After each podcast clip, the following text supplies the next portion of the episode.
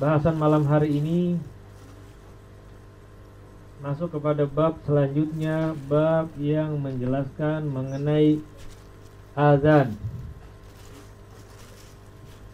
Sebelumnya kita bahas satu bab mengenai siwak.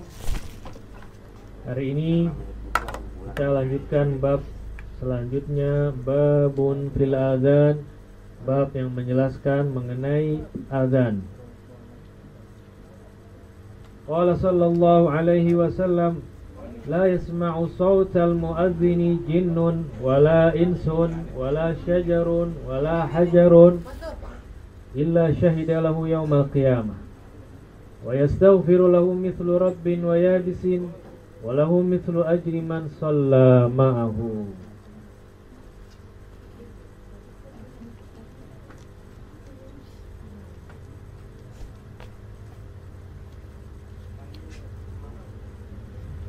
Kita lihat hadis pertama di dalam bab mengenai azan ini. Mu'alliful kitab, pengarang kitab ini mengawali tentang bab azan. Beliau mencantumkan satu hadis Rasulullah sallallahu alaihi wasallam bersabda, "La yasma'u sautal muadzini jinnun wala insun."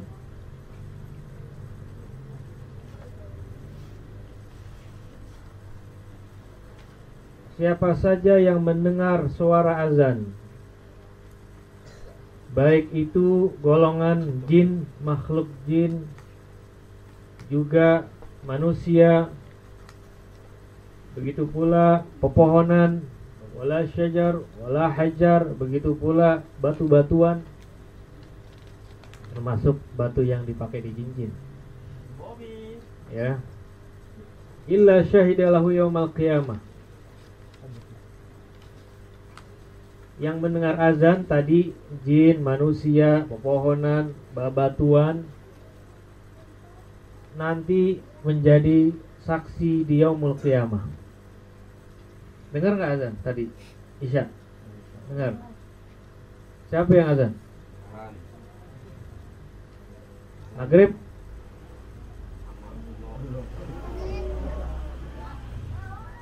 Azan asar siapa ya? Zuhur Subuh Bahar, bahar. Bahar. Subuh yang ada dari subuh? Bahar. Artinya kita semua manusia ini mendengar azan. Jin ada yang punya kenalan temen jin nggak? Hah? Bisa kelihatan nggak di mata kita jin? Nggak bisa. Kecuali orang yang punya Allah kasih kelebihan ya indigo. Jadi indera keenamnya dibuka, jadi ngelihat. Kalau kita cuma lima doang indera kita. Yang keenamnya dibuka oleh Allah, jadi bisa ngelihat jin. Jin mendengar azan, manusia mendengar azan. Kemudian makhluk-makhluk Allah yang lain ciptaan Allah. Ya. Sampai batu dan pepohonan mendengar azan nanti di yaumul menjadi saksi bahwa semuanya mendengar suara panggilan solat untuk mengajak kita sholat. Kemudian wa yastaghfiru lahu kullu. Tidak hanya nanti menjadi saksi di yaumul orang yang mendengar azan orang yang mendengar azan dengan seksama dengan baik dengan benar setiap makhluk Allah yang hidup di air juga yang kering artinya makhluk Allah yang hidup di darat makhluk Allah yang hidup di dalam air atau semua makhluk Allah dedaunan yang masih basah karena embun atau diguyur hujan atau dedaunan yang kering jatuh dari pohonnya yastaghfir lahu akan memohon ampun kepada Allah bagi mereka yang mendengar azan. Walahu mithlu ajri man dan bahkan bagi mereka yang mendengarkan azan akan Allah berikan pahala. Ya kalau dia turut sholat. Ya, sholat bersamanya. Artinya kalau peci kita ini kita pakai buat sholat. Dia bersaksi dengar azan. Pakaian kita sarung kita kita gunakan untuk sholat. Benda-benda ini ya benda mati ini mendengar azan. Mereka semua nanti akan apa menjadi saksi dan juga mohon ampun kepada orang yang mendengar azan juga dia menggunakannya untuk sholat. Kalau sekolah ya lagi istirahat atau udah sampai pagi-pagi ke sekolah gurunya kalau untuk masuk ke kelas cara manggilnya gimana caranya manggil siswa-siswinya supaya masuk kelas. Caranya gimana ngumpulin? Gimana caranya? Pakai bel. Iya kan? Bunyi bel. Atau apa? Pakai suara tapi udah direkam. Ya tinggal keluar dari speaker. Gimana manggilnya? Ya bunyi bel. Kali gitu ada yang teriak masuk kelas. Gurunya udah datang ya itu cara manggil orang supaya masuk kelas. Bagaimana disyariatkannya azan? Sahabat Rasulullah Abdullah bin Zaid. Abdullah bin Zaid mimpi di dalam tidurnya. Kala itu sahabat Rasulullah mereka terlibat dalam satu diskusi. Bagaimana caranya untuk memanggil orang datang sholat? Ada yang ngasih usulan itu aja seperti orang Nasrani pakai apa? Pakai bel. Lonceng tuh di gereja. Ini bel. Ada yang usul. Gimana kalau pakai trompet? Wah kayak orang Yahudi manggil orang pakai trompet. Kemudian Abdullah bin Zaid dalam tidurnya bermimpi didatangi seorang yang mengitari dia. Jadi seorang mengitari Abdullah bin Zaid. Kemudian mengucapkan kalimat Allahu Akbar, Allahu Akbar. Allahu Akbar, Allahu Akbar. أشهد أن لا إله إلا الله. أشهد أن لا إله إلا الله. أشهد أن محمد رسول الله. أشهد أن محمد رسول الله. حي على الصلاة. حي على الصلاة. حي على الفلاح. حي على الفلاح. Kalau subuh tambahkan. As-salatu khairum minan naum. Naum pendek aja Naum tidur lagi. Khairum minan naum. Diakhiri dengan kalimat Allahu Akbar Allahu Akbar La ilaha illallah. Keesokan harinya ketika terbangun dari tidurnya Sahabat Rasul Abdullah bin Zaid melapor kepada Nabi Muhammad SAW perihal mimpinya semalam. Perihal mimpinya ketika sebelumnya sahabat Rasulullah mereka terlibat dalam perdebatan bagaimana caranya memanggil orang untuk datang sholat. Ketika Rasulullah mendengar penjelasan dari Abdullah bin Zaid bahwa di dalam tidurnya beliau bermimpi ada seorang yang mengajarkan mengenai cara memanggil seruan orang untuk datang sholat. Bagaimana disebutkan seperti tadi? Allah Akbar sampai akhir. Sehingga Rasulullah menjawab Innaha layut laru yatu hakin Sesungguhnya mimpimu Mengenai tata cara Mengajak orang untuk datang sholat Yang disebut dengan azan itu Adalah mimpi yang benar. Sehingga Apa yang diajarkan Dalam mimpinya Abdullah bin Zaid menjadi syariatnya Nabi Muhammad bahwa azan itu adalah panggilan seruan azan supaya orang datang untuk melaksanakan sholat.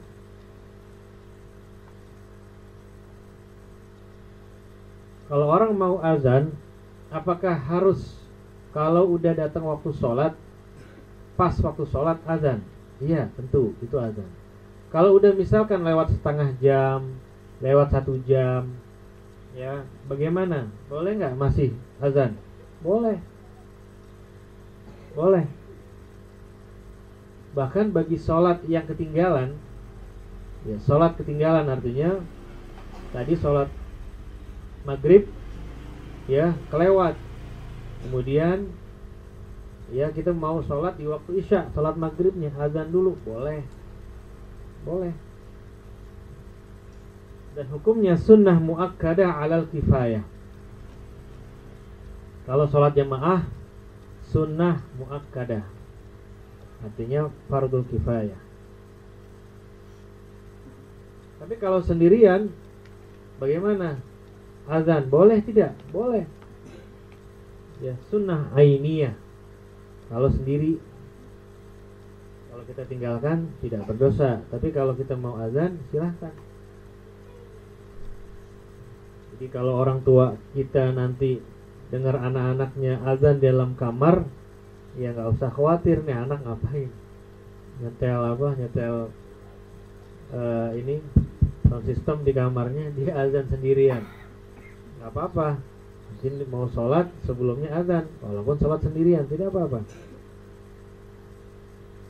Dan yang paling penting bahwa azan ini adalah bagian dari syi syiar min syairil Islam. Syiar. Ya kalau di kampung kita khususnya dan untuk kawasan Mampang yang namanya speaker masjid itu volumenya gede hal yang biasa. Udah bagian dari apa? Tradisi orang-orang Islam di lingkungan kita. Jadi kalau ada orang ngelarang azan dengan speaker di sini ya berarti dia apa? Dia hidup di dalam suatu lingkungan masyarakat yang nggak sama dengan dia.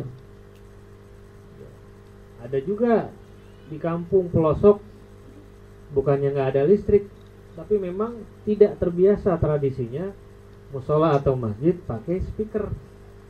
Jadi azannya begitu. Masyarakat dengar pentungan kemudian azan terdengar sayup-sayup ya karena memang masih kampung. Jadi suara orang azan itu masih terdengar dengan jelas walaupun tidak pakai pengeras suara.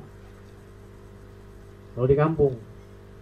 Kalau orang pakai speaker kampung itu nggak terbiasa ada yang marah.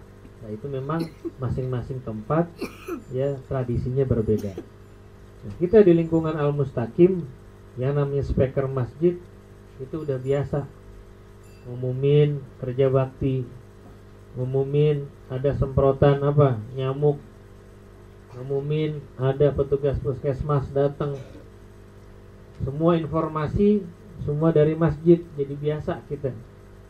Ya, apalagi azan, apalagi selawat hal yang biasa di dalam lingkungan kita menggunakan pengeras pengeras suara. Apa dalilnya azan di dalam Al-Qur'an? Dalam surah Al-Jumu'ah Allah jelaskan di sana ayat 9 Ya ayyuhalladzina amanu idza nudiya lis-salati min yaumil jumu'ah fas'au ila dzikrillahi wa dzarul bai' Zalikum khairul lakum in kuntum ta'lamun.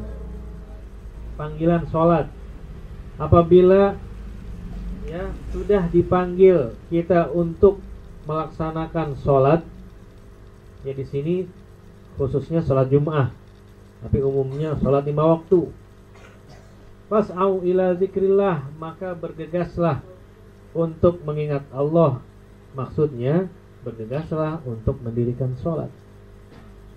Wadarul bayi Kemudian singkirkan dulu segala aktivitas termasuk berniaga. Makanya kalau ada pedagang yang jualan-jualan lapak di masjid-masjid ketika Jumat, begitu udah azan masih dagang, ya itu harus dimarahin, tutup. dengan segera. Ya karena perintahnya tinggalkan semua aktivitas perdagangan. Zalikum khairul lakum in kuntum ta'lamun. Kalau udah datang azan Jumat bersegera tinggalkan semua aktivitas karena itu lebih baik kalau Anda tahu. Cuma sebagian orang dan kebanyakan manusia pada nggak tahu betapa pentingnya kita mensegerakan sholat. Kemudian dalam hadis bagaimana keterangan Rasulullah? Idza hadaratis salatu falyu'adzin lakum ahadukum wal ya'ummukum akbarukum. Rawahul Bukhari. Dalam hadis Rasulullah jelaskan apabila datang waktu sholat subuh, zuhur, asar, maghrib, isya, falyu'adzin lakum maka hendaklah di antara kalian ada yang mengumandangkan azan falyu'adzin lakum ahadukum. Hendaknya di antara kalian ada yang mengumandangkan azan wal ummukum akbarukum juga nanti yang jadi imam adalah orang yang sudah dewasa ya ini hadisnya keterangan dari Rasulullah bahwa azan itu ya hendaklah dilaksanakan ketika sudah datang waktu sholat.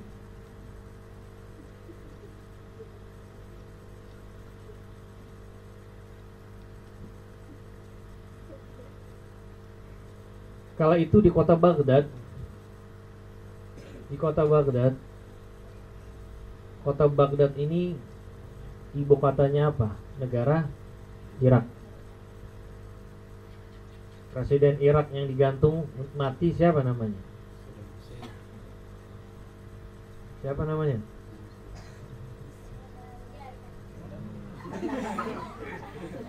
Saddam Hussein. Saddam Hussein. Tapi Saddam Hussein ya bukan pada zaman ini cerita.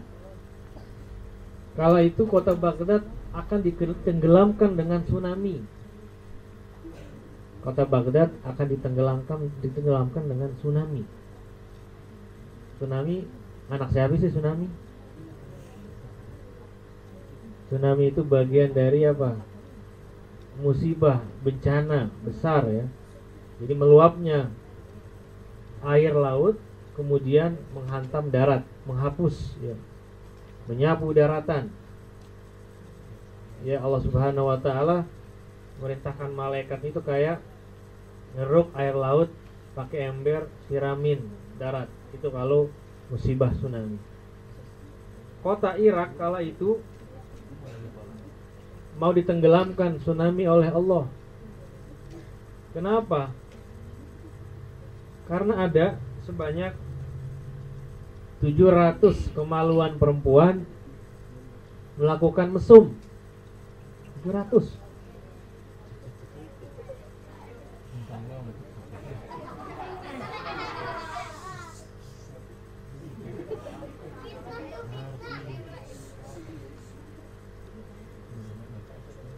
Emang apaan sih? Emang ngerti? Hah?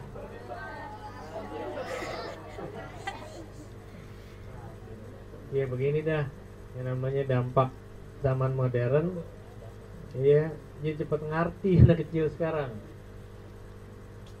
700 kemaluan perempuan Berbuat mesum di kota Baghdad. Ya 700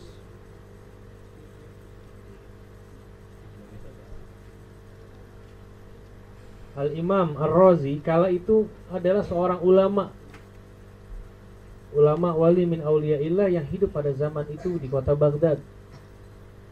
Melihat kok air makin lama makin tinggi, volume air di darat. Ya. Ini banjir akan menghapus kota Baghdad. Ketika melihat kota Baghdad sedikit demi sedikit volume air ingin menenggelamkan kota itu, Al Imam Ar-Razi mengatakan la haula wala quwata illa billah. Ya, la haula wala quwata illa billah dan sebagian dari ulama-ulama di kota Baghdad dia naik ya naik ke bagian sungai di kota Baghdad. Kemudian juga mereka mengatakan la haula wala quwata illa billah, kota ini akan tenggelam kota Baghdad. Datanglah kedua orang Datanglah kedua orang yang tidak diketahui Kedua orang ini adalah malaikat dari malaikat Allah. Kedua malaikat ini Yang Allah turunkan ke muka bumi Untuk Ya Yang salah satunya ingin mendoakan kota Baghdad Yang satunya ingin menghancurkan kota Baghdad Bertemulah dengan seorang ulama Wali min illah Kedua malaikat yang Allah utus datang ke kota Baghdad. Seorang ulama ini tahu bahwa ini adalah malaikat Allah. Ditanya, "Malladzi umirta?" "Malladzi umirta bihi?" Wahai malaikat Allah, apa yang menyebabkan Anda untuk datang ke kota Baghdad ini? Kata seorang malaikat, "Umirtu bi taghriqi Baghdad." Tsumma nuhitu anhu Sebelumnya aku diperintahkan untuk menenggelamkan kota Baghdad ini. Kemudian aku dilarang, padahal udah disuruh untuk menenggelamkan kota Baghdad. Seorang ulama yang tadi wali min ilah tanya lagi, kenapa? Kenapa anda yang sebelumnya diperintahkan Allah untuk menenggelamkan kota Baghdad ini, tapi kemudian Allah perintahkan anda untuk mencegahnya lagi? Malaikat ini menjawab, Rafa'at malaikatul lail anal barihah iftuddat bi Baghdad sab'atu mi'ati farjin haram. Semalam malaikat malaikat malam yang ditugaskan Allah ya menyaksikan bahwa 700 kemaluan wanita di kota Baghdad melakukan hal yang mesum. Allah murka. Terjadi ya, terjadi maksiat yang begitu besar di kota Baghdad ini di malam harinya. Sehingga Allah merintahkan aku untuk menenggelamkan kota Baghdad ini. Kemudian malaikat siang malaikat siang mengangkat musibah yang akan terjadi di kota Baghdad dengan sebab kemuliaan 700 suara azan dan iqamah di kota Baghdad. Ya dengan sebab 700 suara azan dan iqamah di kota Baghdad. Faghafarallahu bihaula bihaula Allah mengampuni masyarakat kota Baghdad yang tadinya akan ditenggelamkan dengan tsunami. Allah ampuni Allah cegah musibah itu bencana alam itu. Dengan sebab apa? Dengan 700 suara azan dan iqamah. Suara azan dan iqamah menyebabkan turunnya ampunan dari Allah Subhanahu wa taala kepada penduduk kota Baghdad di kala itu yang harusnya udah tenggelam dengan tsunami.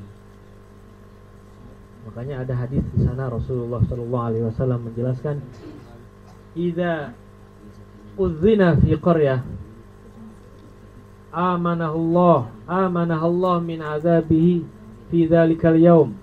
Apabila dikumandangkan azan dalam satu kampung maka Allah akan menurunkan keamanan keselamatan dari azabnya di hari itu. Jadi kita bersyukur kita hidup dekat dengan masjid dengan musola. Kadang Ali Jabah Al Mustaqim musola apa? Al Anwar bareng. Kadang duluan Al Anwar lanjut al-mustaqim, al-ijabah, sa'adah solihin dan lain sebagainya. Semua suara-suara azan saut menyahut. Ya, saut menyahut. Kadang ikomahnya, komatnya duluan al-mustaqim, kadang duluan al-ijabah, kadang duluan ar-riyad. Kadang yang agak jauhan sedikit istiqomah kedengeran. Ada yang jauh lagi al-inabah kedengeran. Al-islah musola kedengeran juga.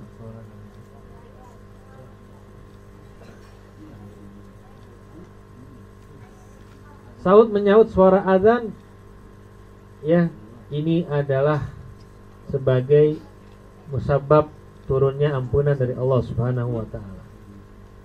Jadi kalau remaja Prisma ngelihat masjid udah waktu masuk sholat yang biasa azan belum datang. Ya nyalain aja speaker. Baca doa ya selawatan dulu juga boleh. Bismillah dulu juga boleh. Ya. Langsung azan. Allahu Akbar Allahu Akbar. Ya. Kemudian syahadat. Kemudian baca hayya 'alas shalah kemudian baca hayya 'alal falah. Jangan kebalik. Malum dulu azan waktu ikut pekan Muharram. Bukan Muharram juara satu lomba azan. Begitu praktek dia keder. Hayya 'alal falah dulu baru hayya 'alas shalah nanti kita bahas ya syarat-syaratnya azan. Nah itu di kota Baghdad kala itu dengan kumandang azan 700 kumandang azan bisa menyelamatkan bencana alam tenggelamnya kota Baghdad karena sebab 700 kemaluan wanita berbuat mesum. Jadi kalau satu kampung kena musibah banjir, tanah longsor. Mungkin saja di situ udah jauh masyarakatnya yang namanya dari ibadah, dari hal yang kecil aja, azan aja. Kalau udah nggak ada yang azan, artinya nggak ada di situ orang mendirikan sholat. Kalau orang-orang di kampung itu udah nggak ada yang sholat, ya udah pantas turunnya azab Allah. Ya, ini malaikat, ada malaikat malam, malaikat siang.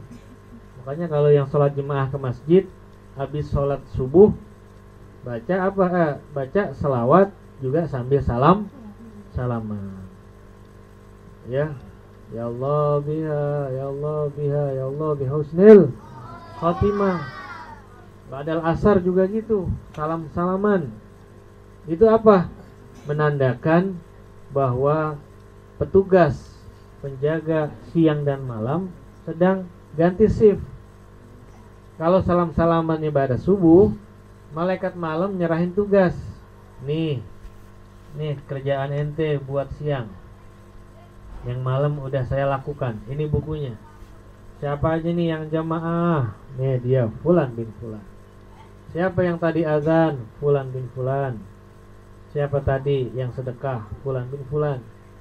Siapa tadi yang ngepel di masjid? Fulan bin Fulan. Catatannya ada. Malaikat malam nyerahin tugas ke malaikat siang. Begitu badal asar, salam-salaman juga. Malaikat siang laporan kepada petugas malaikat malam. Ini laporan saya.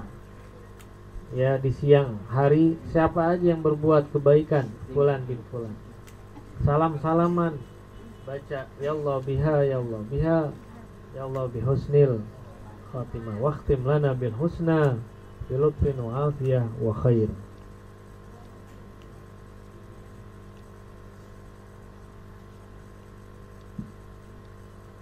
Kalau kita mendengar azan Ya waktu sholat datang nih Subuh Atau zuhur. Kita baca doa. Ketika kumandang azan waktu sholat masuk Allahu Akbar Allahu Akbar kita baca doa marhaban bil qailina adlan wa bis salati ahlan wa sahlan Orang yang baca doa ini marhaban bil qailina adla. Ya, hafalin nih jangan bengong-bengong aja. Marhaban bil qailina adlan. Ulang marhaban bil qailina adlan wa bis salati ahlan wa sahlan ti ahlan wa sahlan Ayo ulang. Marhaban bil qailina adlan wa bis salati ahlan wa sahlan. Orang yang membaca doa ini ketika mendengar kumandang azan datangnya waktu sholat A'tahullahu mi'ata alf hasanah Allah berikan kepadanya seratus ribu kebaikan. Wa maha anhu mi'ata alf sayyah Allah hapus baginya seratus ribu kejahatan yang dia perbuat. Wa rafa'alahu mi'ata darajah. Allah angkat baginya seratus derajat kebaikan. Cuman baca doa marhaban bil qailin. Adalan wa bis salati ahlan wa sahlan. Ketika datang waktu sholat dia dengar suara azan dibaca doa itu. Seratus ribu kebaikan Allah berikan seratus ribu kejahatan Allah hapuskan dan seratus derajat kebaikan Allah angkat buat dirinya. Ketika mendengar tentang ini Al-Fadl Ibnul Abbas dia terheran Al-Fadl bin Abbas dia terheran. Ya. Dia berpikir loh bagaimana bisa kok orang cuman baca doa seperti ini? Kenapa kok bisa pahala yang begitu besar 100 ribu? Kebaikan 100 ribu. Penghapusan dosa dan 100 derajat kebaikan buat dirinya. Dengan demikian kalau begitu besarnya berarti dia nggak punya dosa dong. Lima waktu dia baca doa ini mendengar azan berarti nggak punya dosa dong. Lagi tidur Fadl bin Abbas dia mimpi. Fadl bin Abbas dia mimpi. Karena sebab dia terheran-heran berpikir kalau orang baca doa ini marhaban bil qailina adlan nabi salati ahlan wasalan ketika mendengar kumandang azan kan dia mikir oh, enak banget ya enak banget berarti nggak punya dosa gampang banget. Cuman baca doa ini ketika kumandang azan dia punya dosa. Ketika tidur dia bermimpi. Bermimpi ada suara yang mengajarkan menjelaskan kepada Fadl bin Abbas. Ada suara mengatakan kepada Fadl bin Abbas dalam mimpinya. Dia berkata Inna rabbaka azza wa jalla yaqulu Atubakhiluni ya Fudail. Suara ini berkata kepada Fudail bin Abbas. Ya Fudail bin Abbas Allah subhanahu wa ta'ala berkata Karena sebab anda terheran-heran berpikir Ragu Ragu dengan doa ini. Atubakhiluni ya Fudail. Ente anggap Allah itu bakhil. Kenapa ente anggap Allah itu pelit? Kenapa ente ngerasa Allah itu bakhil nggak mampu menghapuskan dosa orang? Kenapa anda meragu Allah akan memberikan 100 ribu kebaikan? Kenapa anda ragu? Nggak yakin Allah akan angkat derajat 100 derajat orang yang berdoa ketika azan ya coba anda pikirkan wahai Fudail bin Abbas ada seorang raja. Seorang raja ya dia memanggil seorang penyair. Kalau zaman dahulu raja-raja itu senang kalau dibacakan pantun untuk memuji si raja. Ya. Seorang raja ini perumpamaan untuk menjelaskan keraguan Fudail bin Abbas dalam mimpinya dijelaskan oleh suara yang tidak dia kenal. Orangnya siapa? Menjelaskan perihal keraguannya Fudal bin Abbas. Kalaulah raja dipuji dengan penyair ya. Kata penyair ini wahai raja saya tidak akan memberikan syair memuji anda kecuali kalau anda memberikan kepada saya seribu dirham. Sang raja karena ingin dipuji dengan syair-syair ya sair-sair pantun-pantun dari penyair ini dia mengatakan baik saya berikan kepada anda seribu dirham. Karena sebab anda melantunkan syair-syair pantun-pantun memuji saya. Tuh raja saja akan memberi seribu dirham bagi orang yang memujinya.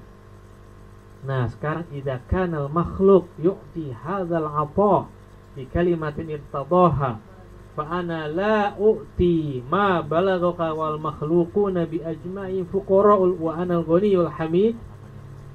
Dalam suara itu yang menjelaskan perihal keraguan Fudal bin Abbas mengatakan kalaulah raja tadi dia bisa memberi permintaannya sang penyair karena memuji sang raja.